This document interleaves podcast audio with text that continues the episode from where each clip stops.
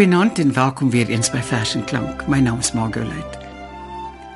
Petra Müller of Petra Müller, so sy dit verkies, hou nooit op om haar lesers op 'n reis te neem na na die betowerendste, die aangrypendste, mooiste, bekendste, maar ook hartseerste, ontstellendste, soms selfs angswekkendste beelde en verhale nie. En hierdie ervarings is gewoonlik vreemd, herkenbaar. Dat dit voel soos 'n deel van jou eie verlede, jou eie ervarings. Vanaand gaan ons na enkele van die verse uit haar bundel Besondere bundel om die gedagte van geel luister. Martlies Koffer gaan dit vir ons lees. Hierdie stewige bundel word omvou deur 'n blad met die geel koringlande van die Oeverberg, haar heimat, en sewe telefoonpale. En die bundel bestaan dan ook uit sewe afdelings. En Petra Müller was een van sewe kinders. Hoewel baie mense sê vyf kinders. Die eerste vers se titel is ook Sewe kinders. As die werf en huiswerk gedaan was, het ons kinders gejaag oor daardie geel vlak stinkruit in die lente, buite bereik van groot mense. En Elsie se geskree: "Waarheen is julle helskinders alweer op pad?" En elk ons eie telefoonpaal gevind wat ons omhels het met al twee arms. Oor dit in die warm hout om in te luister. Of wat, maar moeilik is om te verhaal. Die eil geskinder in 'n ander taal. In taal in die lente herinner sy die leser ook weer aan die gedreun in die telefoonpale wat lynreg opgestel is, sê sy, as betroubare draers van ontrou verhale. Helaas, van die geliefde hoor sy nou niks meer nie. Horisonne hier is indrukwekkend afgeplat. Die telefoonpale elk tot sy uiterste gestrek, stap deur die amper leë landskap waarin hulle lynreg opgestel is as betroubare draers van ontrou verhale. Hulle hywer nie. Ek het ver gereis om deel te neem aan die gesprek. Daar was soveel daarvan. Dit het 'n aaneenlopende gestroom geword wat deur my ore in my kopbeen trek en daar 'n sirkelende tinteling aan dit ganghou wat te veel geword het vir my binneoor. Bovendien is ons nie te ontsyfer nie uit die gegons. Van jou hoor ek niks meer. Lente is hier is laag en geel.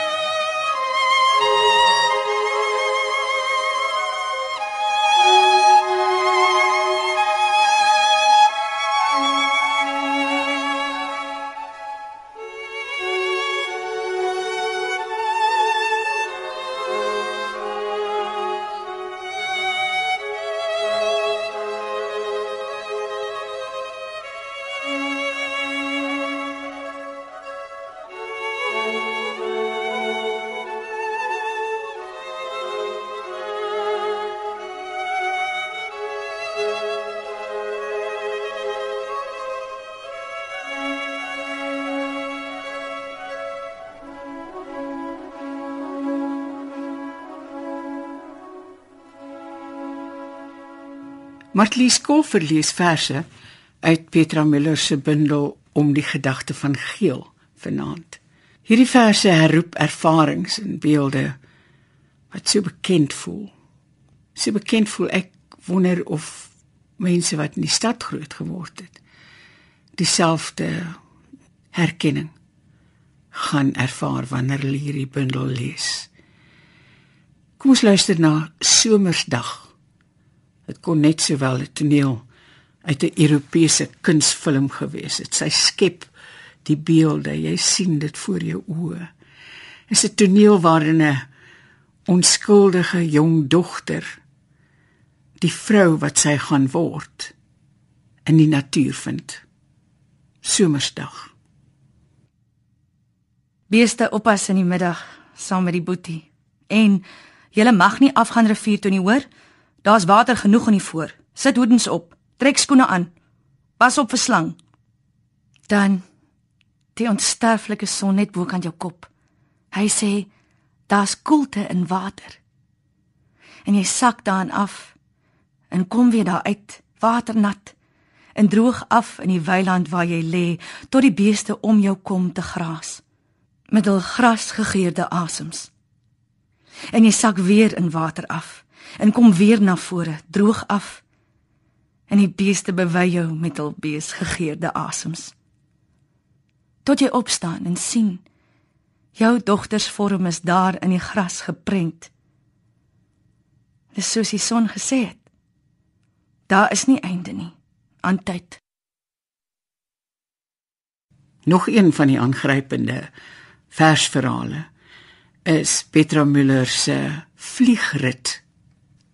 Kyk hoe skets sy 'n omgewing, 'n gebeurtenis en 'n verhaal wat so baie van ons voel. Ons ken. Ons was daar. Met Afrika af gaan dit snel na die eindpunt onder waar die klein karvele teen die see stoei. Ek verbeel my 'n hemelse afdraand en 'n kuskar wat nie meer te keer is nie. My broers wat skree: "Hou vas, sis, voor jy val." Ek verbeel my 'n opperste poging en die fyn huk van geluk as die vliegtyg gaan sit onder Kaapse applous. En dit sous. Soos dit altyd sous in die 7de maand van die jaar.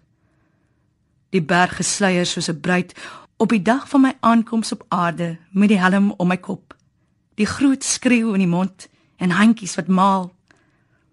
In 'n skoenboks neergedoek en aangegee van hand tot hand. So klein tog en alreeds so raserig, op soek na wat? En die Jode vrouens van die winkel stuur 'n bottel oude cologne wat gesprinkel word in die kamer waar die moe moeder en die nuweling nou slaap. Nurses aan die oppak, aan Sophie die huis skoon. En die ingedagte pa gaan haal die boetie wat oordag het by die van Asse op kompanies drif. Ek draai die sleutel in die voordeur van my doodstil huis en luister na my salig sluimerende kamers. Veilig tuis. In haar vers sonsak betrek Petra Müller die leser in ons geval die luisteraar by die ontwikkeling van 'n dogter, die ontwikkeling waarin sy omring word van verhale en ervarings wat haar lewe laat uitswel. Sonsak. Die kind in die vleis staan in vuur. Binnekort sal sy ook aan die brand slaan. Sy weet reeds van bruide dat hulle dun sluiers rooi bloei, nie wit nie, rooi. Soos die klamsag blare van kannas wat kaal in die sug staan, so sy. Niks kan dit verander nie. Dit gits. Dit rimpel en leef. Die wind vou dit oop, vou dit toe. Bedags hou die son hier, snags die maan. Dit groei.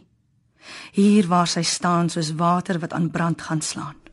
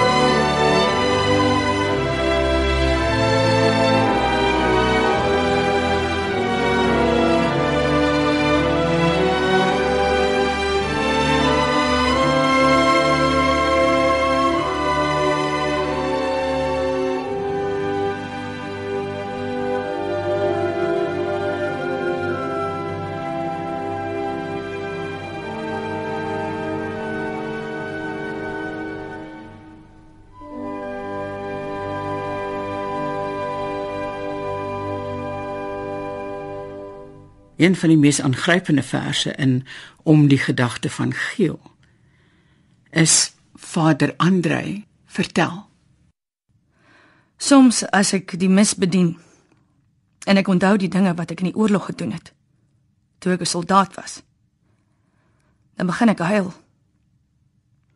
Die mense dink ek huil oor God, maar ek huil oor myself. Ek huil my skoon op. Miskien huil God in my. In my huil God. Oor alles wat ek gedoen het in die oorlog toe ek nog soldaat was in Nico se leer. Dan kan ek nie 'n woord vind om te sê nie. Hulle hul armsaliges wat hiernatoe gekom het om die mis te vind. Hoor dat daar nie gepraat word nie. Die mis misluk vandag. God hul verlate en alleen tussen die spierwit tafeldoeke en stukkies witbrood heen. Sy trane vlek die brood. En heeltemal ontwy huil hy soos Vader Andrei. Troosteloos. Lig speel 'n groot rol in Petra Müller se werk. In die vers Lumen wys sy hoeveel sy met 10 kort versreëls kan skep. Illuminasie is nooit stil. Lig kan nie tot rus kom nie. Valses, val so. Bly hang in wimpers en in reënboë. Selfs na die wintersdag verstryk het. Dit is vir my verskriklik. Hierdie inkyk in jou oë. Petra Müller het die Hertzogprys ontvang vir in die skadu van jou oë gedigte vir die liefde. Dit is 'n briljante bundel met liefdesverse wat sy geskryf het tydens haar man se lang siekbed en na sy afsterwe. In die vers, dit wil sê, is dit duidelik hoe gestroop haar liefdesgedigte kan klink. Ek dra so swaar aan jou soos 'n 8 maand kind Jy hang in my onderbuik, soms pynlik altyd swaar. Jy is wat genoem word 'n uitgestelde geboorte. Ek hou jou in stand. Selfs in versteening. Omdat twee altyd beter is as een. En leegte die swaarste geboorte op aarde. Dit is jy wat my mooi regop hou. Effens agteroor gebuig en ingetoe vrou wat afgemete loop daar met 'n verwagting in haar oë. Ons sluit af met Marlies Koffer se voorlesing van Petra Müller se vers Gedig vir Jean uit haar bundel Om die gedagte van geel. Niemand kan teen die nag inpraat nie. Al het jy dit hoe lief. Lampe gaan later aan dood soos rose. Ek sien dit. As ek bewend lig in die nag maak, gitsgits met 'n vuurtjie wat nie wil vat nie. Die nag is 'n vrou soos ons. Vroom van klank en betroubaar. Sy sê vir my: "Wees nie bevrees nie." Ek antwoord dan nie. Ons verkies dit so. Ons twee.